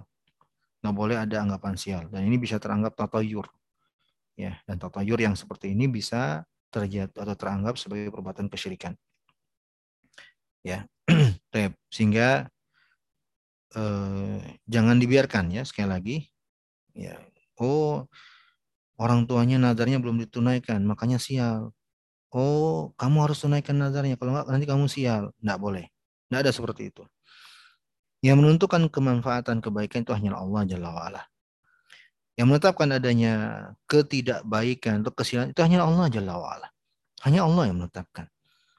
Ya, tidak ada pengaruh dengan yang lain, enggak. Ya, apalagi dalam pembahasan syariat, ya ini tidak ada keterkaitannya. Ya, kalau seandainya memang itu sebuah perbuatan dosa ya, kalau seandainya memang itu sebuah perbuatan dosa, dosa, maka tidak akan Allah limpahkan akibatnya kepada yang lain. Tidak, ya. Baik. Hadirin yang saya hormati dan saya muliakan. Ya sebagaimana uh, para nabi dan rasul. Para nabi dan rasul ya ada orang tua mereka yang kufur kepada Allah. Para nabi dan rasul ada anak-anak mereka yang kufur kepada Allah. Apakah kesialan kesialan ditimpakan kepada mereka karena kufurnya anggota keluarga mereka? Enggak kan? Tidak. Ya. ya. Kita kalau taat kepada Allah dan bertakwa kepada Allah Jalla wa'ala, ya, maka anggota keluarga lain yang buruk yang membangkang kepada Allah Jalla wa'ala, dosanya tidak akan kita tanggung. Sana itu sebuah perbuatan dosa. Artinya yang ingin saya tekankan adalah anggapan kesialan itu tidak tidak benar pada posisi seperti ini. Baik. Yang kedua, kalau memang kalau memang ya ahli waris ya, ingin berbuat ihsan dalam hal ini, maka bagus. Berbuat ihsan dalam artian mereka akhirnya jatuhnya sedekah sebenarnya. Ya, ahli waris jatuhnya sedekah yang diniatkan untuk uh, ahli waris uh, apa namanya uh, sahibun nadar ya, orang yang bernazar tersebut apakah orang tua atau siapa dari keluarganya yang telah meninggal tersebut dia niatkan sedekah atas nama beliau itu berpahala bagi mereka itu termasuk ihsan amalan baik yang sangat disyariatkan dalam agama ini. Bersedekah atas nama orang yang telah meninggal apalagi orang tua itu sangat dianjurkan dalam agama ini. Pahalanya sampai. Pahalanya sampai. Dan bagus ya. Mudah-mudahan uh, Allah Jalla wa'ala memberikan kemuliaan ya dan memaafkan serta mengampuni ya orang tua yang telah meninggal dengan nadarnya yang belum terlaksana tersebut. Tapi kalau bisa, kalau bisa, ya karena ini nadar, ya pada asalnya terkait dengan harta pemilik, eh, apa namanya, harta yang digunakan adalah harta milik orang yang bernadar. Itu pada asalnya. Kalau ingin menunaikannya, sekali lagi kalau saya katakan kalau ingin menunaikannya, ya hendaknya dia uh, menunaikan nadarnya dari orang tua yang telah meninggal tersebut dengan nadar yang telah tidak terpenuhi dari harta miliknya. Dari harta miliknya, bukan dari harta orang lain. Ya. Jadi ini uh, jawabannya. Sekali lagi karena nadar itu beda dan puasa ya. Kalau puasa benar seperti itu, seperti yang uh, disampaikan tadi, ya ada yang mengatakan, oh ini uh, harus ditunaikan, orang tuanya belum menunaikannya. Kalau yang seperti ini, itu kewajiban yang harus ditunaikan oleh ahli waris pada puasa, hutang puasa, bukan nadar ya. Kalau ada sebagian yang berdalil dengan uh, dalil hadis tersebut, kita bisa pastikan insya Allah bahwa hadis itu tersebut terkait dengan puasa, bukan dengan nadar secara umum. Ya, beda ya. Jadi kalau nadar tadi definisinya telah kita pahami, dia mewajibkan sesuatu pada sesuatu yang asalnya nggak wajib baginya. Ya, asalnya tidak wajib baginya. Ya, beda dengan ibadah-ibadah yang memang wajib pada asalnya bagi dia seperti puasa. Ya, kalau dia tidak tunaikan karena ada uzurnya, maka teranggap kodok, hutang baginya. Hutang baginya. Ya. Taib. Jadi Allah Ta'ala alam bisawab seperti itu jawabannya. Mudah-mudahan bisa dipahami Bu Dr. Nurul.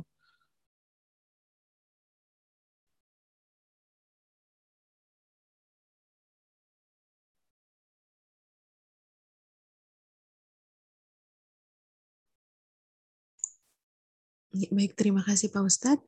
Ada pertanyaan selanjutnya Pak Ustadz di chat dari Dr. Surahman. Assalamualaikum Pak Ustadz, apakah pelaksanaan nazar bisa bersamaan dengan ibadah sunnah? Misalnya nazar berpuasa dilaksanakan dengan melaksanakan puasa Senin sampai Kamis dan lain-lain. Apakah pelaksanaan pelaksanaan nazar bisa bersama dengan ibadah sunnah? Misalnya nazar berpuasa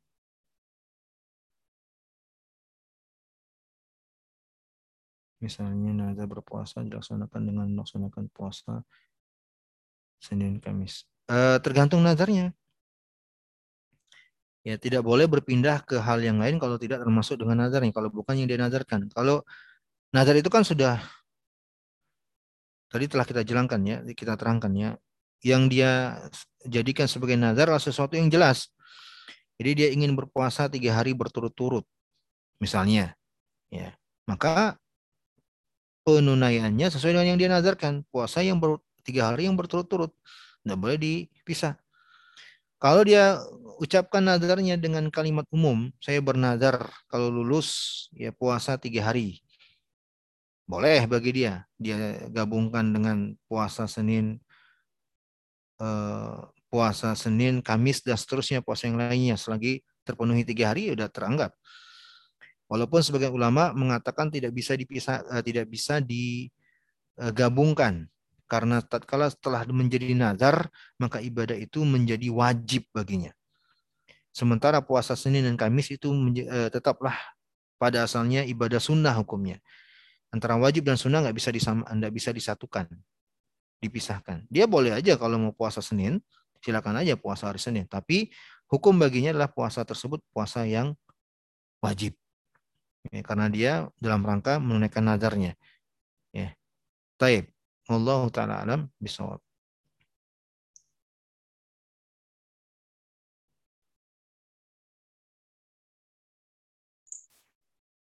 Baik, ada pertanyaan lagi Pak Ustadz dari Batohan Nasrullah ya. Assalamualaikum Pak Ustadz, izin bertanya bagaimana hukumnya bila orang yang sering bernazar, saking seringnya bernazar sampai lupa nazar mana yang belum ditunaikan. Apa yang harus dilakukan? Terima kasih. Wassalamualaikum. Masya Allah. Waalaikumsalam warahmatullahi wabarakatuh. Terlalu sering bernazar. Ya Masya Allah. Ya, mulai sekarang Bapak Ibu yang saya hormati dan saya muliakan, eh, saya nasihatkan agar tidak bermudah-mudahan dengan bernadar. Nabi telah sebut bahwa nazar itu kebiasaan orang-orang yang bakhil. Bahkan dalam Al-Quran Allah isyaratkan bahwa nazar itu di antara karakter orang-orang munafik. Ya, jadi ya kalau bisa jangan bernazar deh. Untuk melakukan ketaatan, lakukan aja ketaatan. untuk minta kepada Allah, minta aja dengan doa. Usah dengan konsep nazar. Jadi jangan bermudah-mudahan apalagi sering untuk bernazar. Ya. Kurang baik lah. Kalau kita ingin berbeda, beribadah aja kepada Allah. Jangan dengan adanya syarat-syarat. Kalau seandainya sudah terlanjur seperti yang ditanyakan dan lupa, maka yang paling amannya, paling ahwatnya dia bayar kafarah dia bayar kafarah. Kafarahnya apa Ustaz? Tadi dua pilihannya, satu memilih tiga, yang kalau tiga ini nggak bisa dipilih salah satunya, maka baru masuk ke pilihan kedua. Yang pertama, kategori yang pertama, pertama membebaskan budak. Kalau nggak bisa baru puasa eh, apa namanya memberi makan 10 fakir miskin. Kalau nggak bisa membeli pakaian 10 fakir miskin. Ini tiga pilih salah satunya. Kalau nggak ada yang bisa dari tiga ini, baru puasa tiga hari berturut-turut. Jadi jangan salah ya memilih kafaro. Kafaro nazar atau kafaro sumpah itu sama. Ya, kalau dijumlahkan mau ditotalkan si empat memang empat. Ya, empat. Ya, tidak boleh langsung milih yang terakhirnya ini puasa tiga hari betul nggak bisa. Jangan langsung memilih puasa sementara ada pilihan lain yang kita bisa. Pilihan yang potensi kita bisa itu kalau tidak memberi makan 10 orang miskin atau memberi baju 10, memberi pakaian 10 miskin. Ya, ini ya kafaro yang terjangkau dan saya yakin insya Allah bisa. Ya. Jangan langsung puasa. Kalau tidak bisa, barulah puasa tiga hari berturut-turut. Ini untuk kafaro. Maka saran saya untuk yang bertanya, ya paling amannya bayar aja kafaro. Kalau dia tahu berapa kali atau berapa nadar yang lupa tersebut, maka sejumlah itu pula dia bayar kafaro. Kalau dua nadar Berarti seandainya dia pilih memberi 10 fakir miskin, memberi makan 10 orang fakir miskin, berarti 20 orang fakir miskin yang dia akan beri. Kalau tiga nazar, kalau empat nazar, kalau lima nazar, dia tahu berapa nazar yang dia terlupakan untuk menaikkannya, maka sebanyak itu kah, sebanyak itulah dikali dengan 10 fakir miskin yang ingin yang harus dia beri makan. Ya, kalau puasa dikalikan juga tiga kali lima, lima belas hari dan seterusnya. Ya, kalau dia tidak ingat berapa jumlah nazar Ustaz, lupa berapa nazar yang harus saya tunaikan. Lupa Ustaz, lupa-lupa benar. Pertama, saya nasihatkan usahain dulu. Upayakan dulu untuk mengingat-ingat, buka catatan dan seterusnya. Kalau betul-betul sudah berusaha untuk mencari tahu dan mengingat-ingat, ternyata memang nggak bisa mentok, ya maka ambillah perkiraan. Perkiraan aja. Fakdurulah maka perkirakanlah. Ya, silakan kalau kira-kira ya ya silakan yang bersangkutan yang lebih tahu. Ya, dengan meninjau indan itu dia perkirakan apakah tiga atau lima dan seterusnya atau mungkin cuma satu. Silakannya dia perkirakan. Baik. Wallahu taala alam bisawab.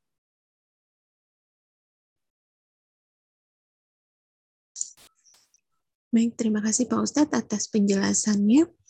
Apakah dari peserta kajian ada yang mau bertanya lagi? Dipersilahkan.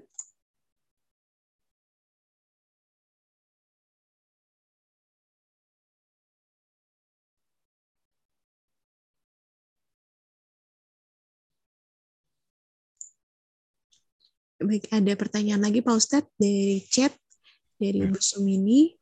Assalamualaikum warahmatullahi wabarakatuh. Mohon izin bertanya Pak Ustadz, kalau kita menunaikan puasa Daud pada saat ada puasa sunnah, misalkan pada saat bulan Muharram, itu kan disunahkan puasa pada bulan itu, sementara sudah menjalankan puasa Daud. Pertanyaannya, pada bulan Muharram kita laksanakan puasa sunnah bulan Muharram atau tetap puasa Daud? Ya. Saya cermati dulu pertanyaannya kalau kita menaikkan puasa Daud, pada saat ada puasa sunnah misalnya di bulan Muharram, itu kan disunahkan puasa Muharram. Sementara sudahnya puasa Daud. Pertanyaannya, pada bulan Muharram kita laksanakan puasa sunnah bulan Muharram atau kalau bisa dua-duanya, masya Allah. Kalau bisa dua-duanya, masya Allah. Ya.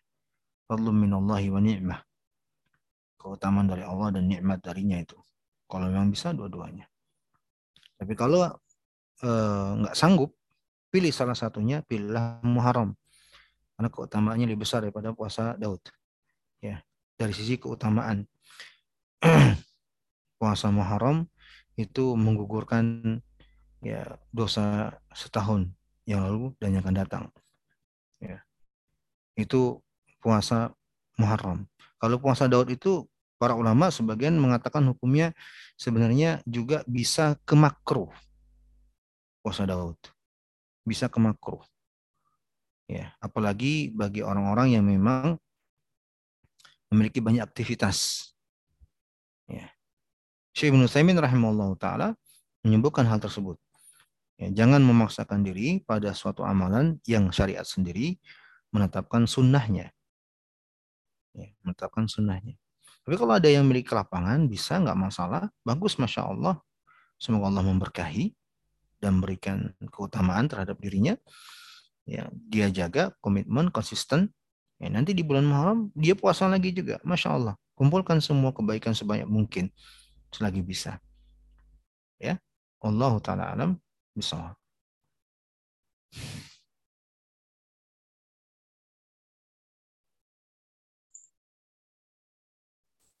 Baik, terima kasih Pak Ustadz. Apakah ada lagi pertanyaan lain? Assalamualaikum. Dengan Tisna, uh, ya. host dan Pak Ustadz. Uh, saya mungkin ada pertanyaan uh, terkait dengan nazar tadi. Uh, mungkin baru mendapatkan view yang barangkali sedikit berbeda dengan yang dipenuhi, yang dipahami dulu ya Pak Ustadz ketika uh, ternyata nazar itu makruh ya. Sementara mungkin pemahaman kita dulu nazar itu termasuk amalan yang diutamakan karena kita meniatkan sesuatu uh, amalan yang baik gitu ya. Jadi uh, malah kayak yang dianjurkan gitu kalau kita punya sesuatu usaha dan mungkin kita khawatir kalau ya masalahnya mungkin harusnya kita tidak mengkhawatirkan dunia ya Pak Ustadz ya, tapi kenyataannya di hidup sehari-hari itu sering mengkhawatirkan dunia begitu ya. Nah, takutnya lulus misalnya gitu ya ujian atau misalnya uh, pengen seleksi apa supaya berhasil misalnya. Uh, jadi seolah-olah dulu itu kita merasa itu justru suatu amalan yang utama gitu karena dengan kita meniatkan terus nanti kita membalasnya dengan amalan yang baik tadi yang disebut, seperti yang disebutkan tadi ya bahwa uh, apa kita mewajibkan sesuatu yang sebetulnya tidak wajib tapi suatu amalan yang baik gitu. Nah sementara misalnya dulu ya kita pernah melakukan itu dengan pemahaman yang berbeda gitu bahwa seolah-olah nazar itu justru bagus e, disarankan. Terus kemudian mungkin pula kadang-kadang kan kita memikirkan nazar itu seperti yang hanya dalam hati aja gitu ya. Maksudnya bukan suatu pernyataan atau seperti suatu wasiat gitu misalnya. Aduh nanti kalau saya lulus saya mau mau puasa tiga hari misalnya seperti itu atau saya mau bayar sedekah. Terus kenyataannya juga memang bisa jadi tidak berhasil barangkali seperti tadi yang pertanyaan yang terkait dengan uh, bolak-balik nazar, tapi kemudian gagal karena ya memang dalam hidup sehari-hari kan kita tidak selalu berhasil ya melakukan apa yang kita cita-citakan begitu. Ada kegagalan. Nah, uh, apakah uh, dalam hal ini katakan misalnya saya dulu pernah punya nazar, terus ternyata saya gagal dan mungkin udah gitu juga ada lupa-lupanya juga begitu. Apakah cukup karena saat ini katakan saya memahami bahwa nazar itu sebetulnya uh, makruh begitu. Jadi ya sudah saya taubat saja dulu kalau saya pernah nazar-nazar. Nah, ya sudah semoga dimaafkan sama Allah seperti itu. Nah, itu bagaimana Pak Ustadz? Terima kasih. Ya. Assalamualaikum warahmatullahi Itulah yang dicegah oleh syariat. Sehingga nazar itu hukumnya makruh pada asalnya. Bahkan tadi saking tegasnya sebagian ulama mengatakan haram. Tujuannya agar tidak terjadi pelecehan terhadap janji kepada Allah. Ya. Kita kalau sesama kita aja sudah akan terkesan buruk dan cukup tercela kalau mudah mengumbar janji. Ya. Lalu tidak dipenuhi. Cukuplah itu sebagai aib dan tidak pantas. Di tengah kehidupan sesama kita, antara kita. Maka itu lebih layak untuk tidak dilakukan terkait dengan Allah Taala, terkait dengan ibadah kepada Allah Jalla. Allah yang maha mulia. Ya, yang tidak layak ya, disandarkan atau dituju padanya segala yang buruk. Tidak pantas. Ya. Allah Jalla wa'ala yang maha kuasa, yang maha mulia. Makanya Nabi tadi dalam hadis mengatakan bahwa ya nazar itu ya tibi khair. Nazar itu tidak menandakan kebaikan sama sekali sebenarnya. Allah menakdirkan kita dengan takdirnya bukan karena nadarnya kita. Kita tidak menadar pun kalau Allah telah menakdirkan sesuatu akan terwujud. Ya. Dan nadar tidak teranggap sebagai usaha atau sebab syar'i atau sebab kaunia untuk terwujudnya sesuatu. Tidaklah teranggap dalam syariat bahwa nadar itu adalah sebab terwujudnya sesuatu. Enggak. Tapi dalam hitungan syariat, terwujudnya sesuatu itu dengan adanya usaha dan upaya. Atau sebab. Sebab syar'i atau sebab kauni. Bukan sama sekali dengan nadar. Ya, bukan sama sekali dengan nadar. Ya. Maka sekali lagi, oleh karena itulah alasan syariat mencegah untuk tidak melakukan nadar dengan hukum makruh bahkan sebagian para ulama mengatakan haramnya ya, akan bermudah-mudahan nazar. Kita mungkin tidak mengucapkan, ya barangkali, ya walaupun tadi telah kita bahas, nazar itu teranggap kalau diucapkan, barangkali tidak diucapkan. Tapi kan Allah Maha tahu. Allah itu Maha tahu. Allah Maha melihat. Allah Maha mendengar. Allah Maha tahu isi hati kita. Kita meniatkan dalam hati. Tidak kita ucapkan, terbesit dalam hati. Ya Allah, kalau saya lulus, saya akan berpuasa. Tidak tidak kita tidak ucapkan, tidak kita tuliskan, malaikat nggak tahu. Malaikat nggak mendengar. Satu orang pun nggak mendengar. Tapi Allah Maha tahu. Allah Maha tahu. Seandainya nanti ternyata Allah uji nggak lulus, bagaimana dengan janji tersebut? kita akan lebih berpotensi tidak akan mewujudkannya karena kita menganggap tidak ada yang tahu kok. Saya juga nggak mengucapkannya kok. Lebih berpotensi tidak melakukannya. Padahal yang tujuh adalah Allah ta'ala. Ya.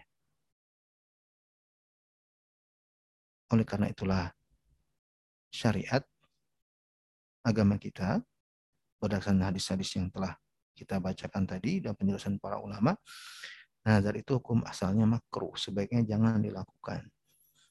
Dan seandainya telah dilakukan, wajib untuk ditunaikan. Supaya tidak bermudah-mudahan. Ya, tidak bergampang-gampangan.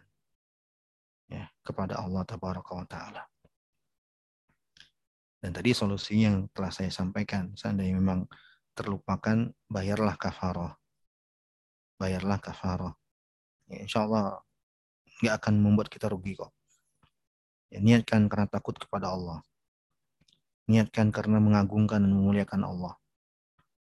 Lakukan bayar kafarah. Maka mudah-mudahan semakin berkah harta yang kita miliki yang Allah telah beri. Jangan takut kok. Kalau kita lakukan sesuatu karena Allah, pasti kemuliaan. Kalau kita melakukan sesuatu, walaupun sesuatu itu berupa mengharuskan kita mengeluarkan harta kita, jangan takut kok. Kunci-kunci pembendaraan harta benda itu di tangan Allah Jalla wa'ala. Allah yang memberikan infak, Allah yang memberikan nafkah, Allah yang memberikan rezeki. Ya. Kita mengeluarkan sesuatu karena Allah itu sejatinya adalah ya menginginkan Allah memberi kita lebih. Ya. Dan itu perdagangan yang pasti menguntungkan. perdagangan yang pasti membawa keberuntungan dunia dan akhirat.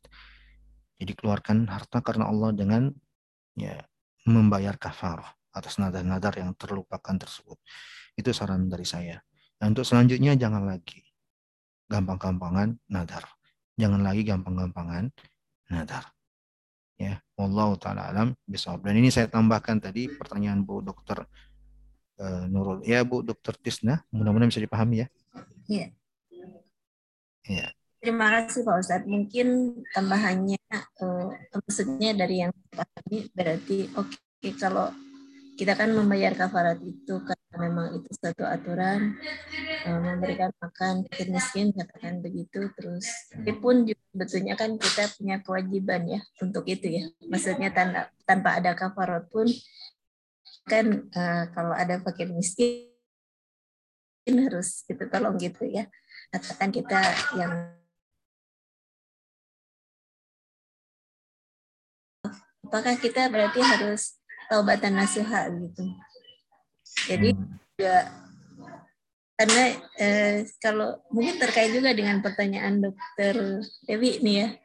Uh, insya Allah jika pandemi usai sesekali kita tetap buka ujian itu uh, nazar bukan ya. Jadi kadang-kadang kan kita melakukan sesuatu itu kalau-kalau gitu ya. Kalau begini kan.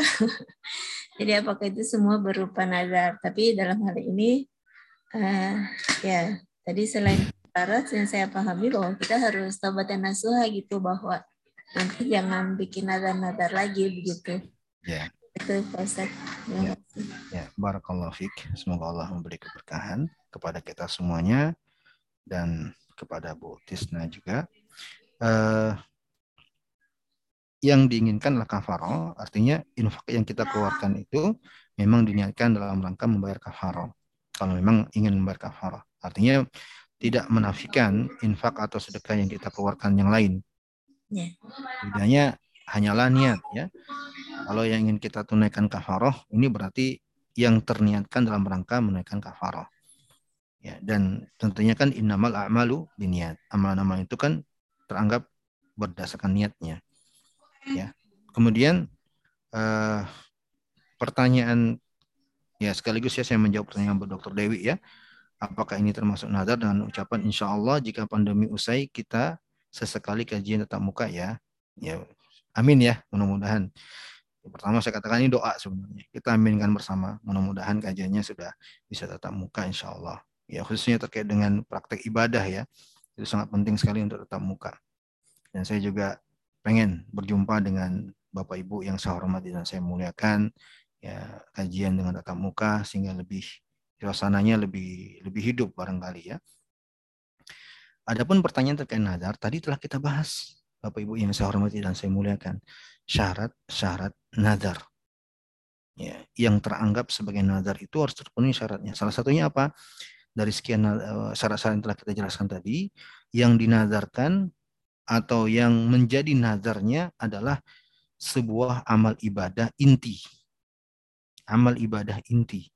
Bukan uh, bukan sesuatu yang bukan amal ibadah, apalagi ya uh, bukan menjadi wasilah suatu ibadah, apalagi bukan ibadah sama sekali. Ya. Jadi dia adalah uh, sebuah amal ibadah inti itu yang dinazarkan. Jadi kayak gini nih, insya Allah jika pandemi usai, kita sesekali kajian tatap muka ya. Ini doa, lebih tepat kita katakan doa. ya. Jadi bukan nadar sama sekali. Ini lebih tepatnya kita katakan sebagai doa. Ya, tidak ada uh, kalimat yang menunjukkan makna nadar di sini. Ya. Ini yang pertama, uh, tidak terpenuhi syaratnya. Yang kedua, dalam kalimat ini juga mujmal sifatnya. Mujmal itu uh, tidak jelas siapa yang seandainya pun dianggap nadar, maka siapa yang bernadar. Ya insya Allah jika pandemi usai kita sesekali kajian tetap muka ya. Nah tentunya kan kalau seandainya kita kupas siapa yang ingin menunaikan nazar seandainya ini nggak terwujud, kita di sini siapa? Kan tidak jelas. Maka ini tidak sama sekali tidak teranggap nazar, ya baik secara syariat maupun secara makna dari kalimat yang diungkap. Ini nazar itu ya terhadap sesuatu dengan ibadah inti Ya, mungkin sesuatunya bukan ibadah. Misalnya kayak contohnya nih, kalau si fulan sembuh, dia bernadar. Kalau dia sembuh, puasa tiga hari. Kalau dia sembuh, menunaikan umroh. Kalau dia kalau dia sembuh, dia sholat di malam hari. Ini kan jelas. Jelas siapa yang bernadarnya, ya jelas yang dia jadikan sebagai nadarnya, ya dengan apa yang telah diberikan. Misalnya yang diberikanlah dia lulus, ya Berarti dia harus sholat. Nah, ini yang dia nazarkan. Sholatnya itu yang dia nazarkan. Ya, dia nazarkan sholat. Yang jelas. Jadi tidak bisa nazar itu dengan sesuatu yang menjadi wasilah menuju ibadah inti. Dia kalau lulus ma nazarnya ingin berwudu, nggak bisa. Ya, dia harus nadarnya adalah kepada ibadah yang inti. Tidak teranggap nazar seperti itu. Tidak teranggap nazar seperti itu. Ya. Taib. Apalagi ya, yang dia nadarkanlah sesuatu yang bukan amal ibadah. Kalau dia lulus, kalau dia lulus, maka dia ingin jalan-jalan ke Bogor misalnya. Ini bukan nadar, tapi itu apa namanya? Ya agenda ya agenda kalau liburan. Ya. Karena nadar itu adalah sebuah amal ibadah. Hadirin yang saya hormati dan saya muliakan, maka dia terkait dengan amal ibadah. Ya. Dia terkait dengan amal ibadah. Ya, yang dituju adalah Allah Jalla wa'ala. Ya, kalau dia lulus, dia katakan kalau lulus nanti ya dia ingin ke taman mini, ya udah kan dia nggak ada dia nggak nuju siapa-siapa. Dia tuju dirinya sendiri. Dia batalkan niatnya ya nggak masalah. Nggak ada kaitan dengan yang lain. Ya. Tapi kalau dia katakan kalau dia lulus dia ingin sholat malam 11 rakaat. Ini kan terkait dengan Allah. Karena ibadah itu kan ditujukan kepada Allah. Ya. Allah taala alam bisawab. Ya, saya kembali uh, menjawab pertanyaan Bu Dr. Nurul tadi ya. Ya, setelah saya pastikan dan benar bahwa uh, nadar orang tua yang belum terpenuhi itu bisa teranggap hutang dan wajib bagi ahli waris untuk memenuhi dan menunaikan nadarnya. Dan benar seperti yang saya telah jelaskan tadi, pada asalnya menggunakan harta milik yang orang yang telah meninggal tersebut. Karena ini nadarnya. Jadi wajib untuk ahli waris untuk memenuhi nadarnya tersebut. Ya kalau mereka tidak tahu, selesai urusan. Tapi kalau mereka tahu, wajib untuk mereka menunaikannya. Atau mereka diberitahu. Ya, apalagi dengan ada tanda bukti misalnya. Tadi disampaikan oleh Dr. Nurul itu Masya Allah ya nadarnya. Ya, nadar yang sangat bermanfaat bagi kaum muslimin. Ya. Sangat bermanfaat bagi kaum muslimin. Maka eh, diupayakan untuk dipenuhi. Mudah-mudahan ya menjadi amal jariah untuk yang telah meninggal dan pahala yang berlipat untuk yang menunaikan nazar beliau rahimahullah taala. Mungkin ini eh, yang saya sempurnakan dari jawaban yang telah saya sampaikan untuk Bu Dokter Nurul. Mudah-mudahan bisa dipahami Bu Dokter Nurul.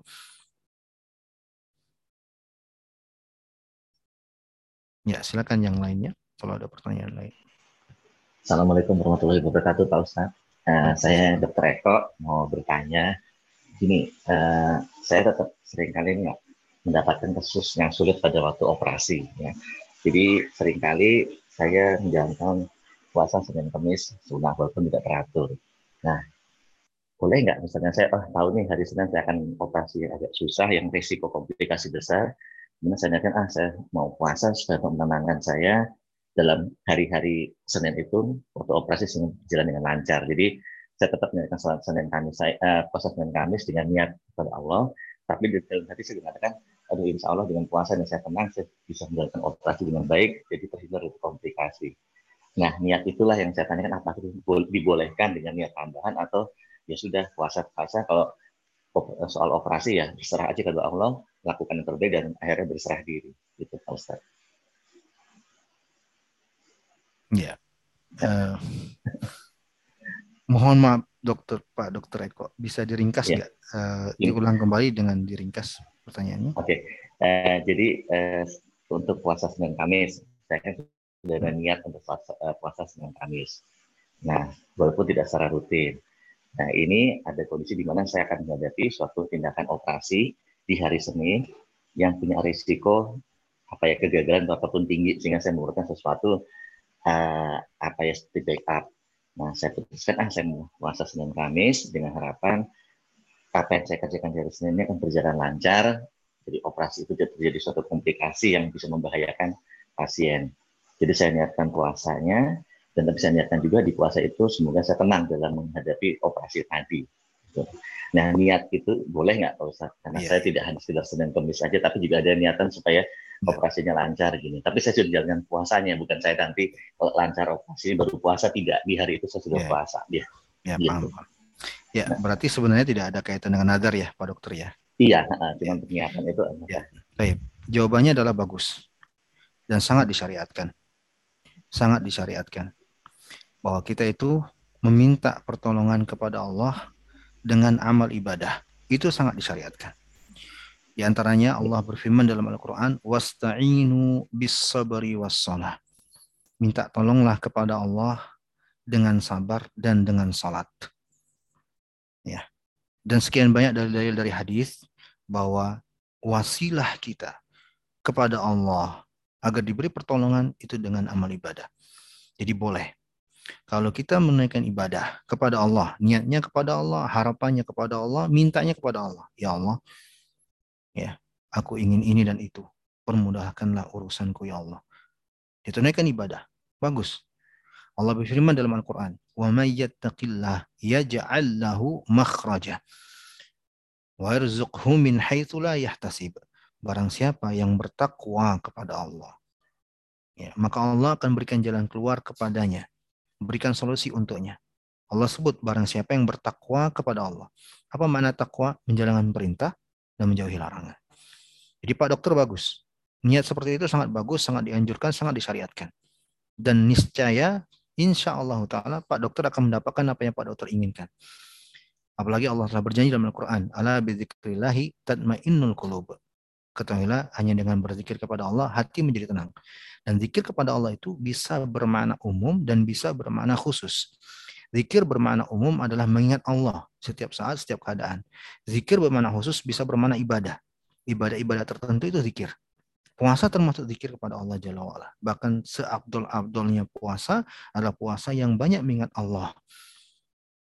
Jadi benar, bagus, ya tetap konsisten dengannya, dan mudah-mudahan Allah berikan istiqomah. Ya, taib. Ini uh, ada tambahan dari Bu Dr. Dewi. Kajian menuntut ilmu kan termasuk ibadah kepada Allah, tetapi ada syarat. Ya, uh, terkait dengan pertanyaan tadi ya, ada tambahan dari Bu Dr. Dewi ini. Kajian menuntut ilmu kan termasuk ibadah kata beliau. Ya, benar. Ya, tetapi hadirin yang saya hormati dan saya muliakan, kalau apalagi di sini ucapan Bu Dewi, eh, ucapan yang disampaikan Bu Dewi di sini ada kata insya Allah. Kalau kata insya Allah diucapkan, maka itu sebenarnya menggugurkan ya sebuah sumpah. Kata insya Allah itu menggugurkan sebuah sumpah seandainya tidak terpenuhi. Ya, itulah keutamaan menjaga ucapan insya Allah. Ya, itulah keutamaan menjaga ucapan insya Allah. Ya, dan sangat disayangkan ya di belakangan ini ada orang-orang yang tidak setuju mengatakan insya Allah. Ya, ini tidak benar. Dalam aturan syariat, kalau ada sumpah yang mengatakan insya Allah, lalu di kemudian hari terlanggar atau tidak terpenuhi, maka tidak ada kafaroh baginya. Karena dia telah mengucapkan kata insya Allah. Ini yang pertama. Kemudian yang kedua, juga saya katakan, ya tetaplah tolabul ilm atau menuntut ilmu itu eh, adalah bukan ibadah inti dalam rangkaian ibadah kita sehari-hari. Kecuali ini terkait dengan individu seseorang. Misalnya nih, kalau eh, saya dapat rezeki, saya akan belajar ke Saudi Arabia, melanjutkan pendidikan saya. Saya akan ke Yaman, melanjutkan pendidikan saya. Ya, kalau ada rezeki, saya akan lanjutkan pendidikan saya ke luar negeri. Nah, ini individu, ya jelas ini, ya yang diinginkan individu. Kalau di sini kan kalimatnya kita, Tentunya ini sekali lagi saya katakan lebih pas kalau kita katakan kalimat inilah kalimat doa. Ya, kalimat inilah kalimat doa. Ya. Tapi Allah taala alam bisawab. Dan waktunya sudah habis ya 10 menit, masya Allah. Ya, baik, terima kasih Pak Ustadz atas penjelasan dan materi hari ini. Uh, mengingat waktu sudah habis, maka kita akhiri untuk kajian hari ini. Eh, mari kita bersama-sama membaca doa kafaratul majlis.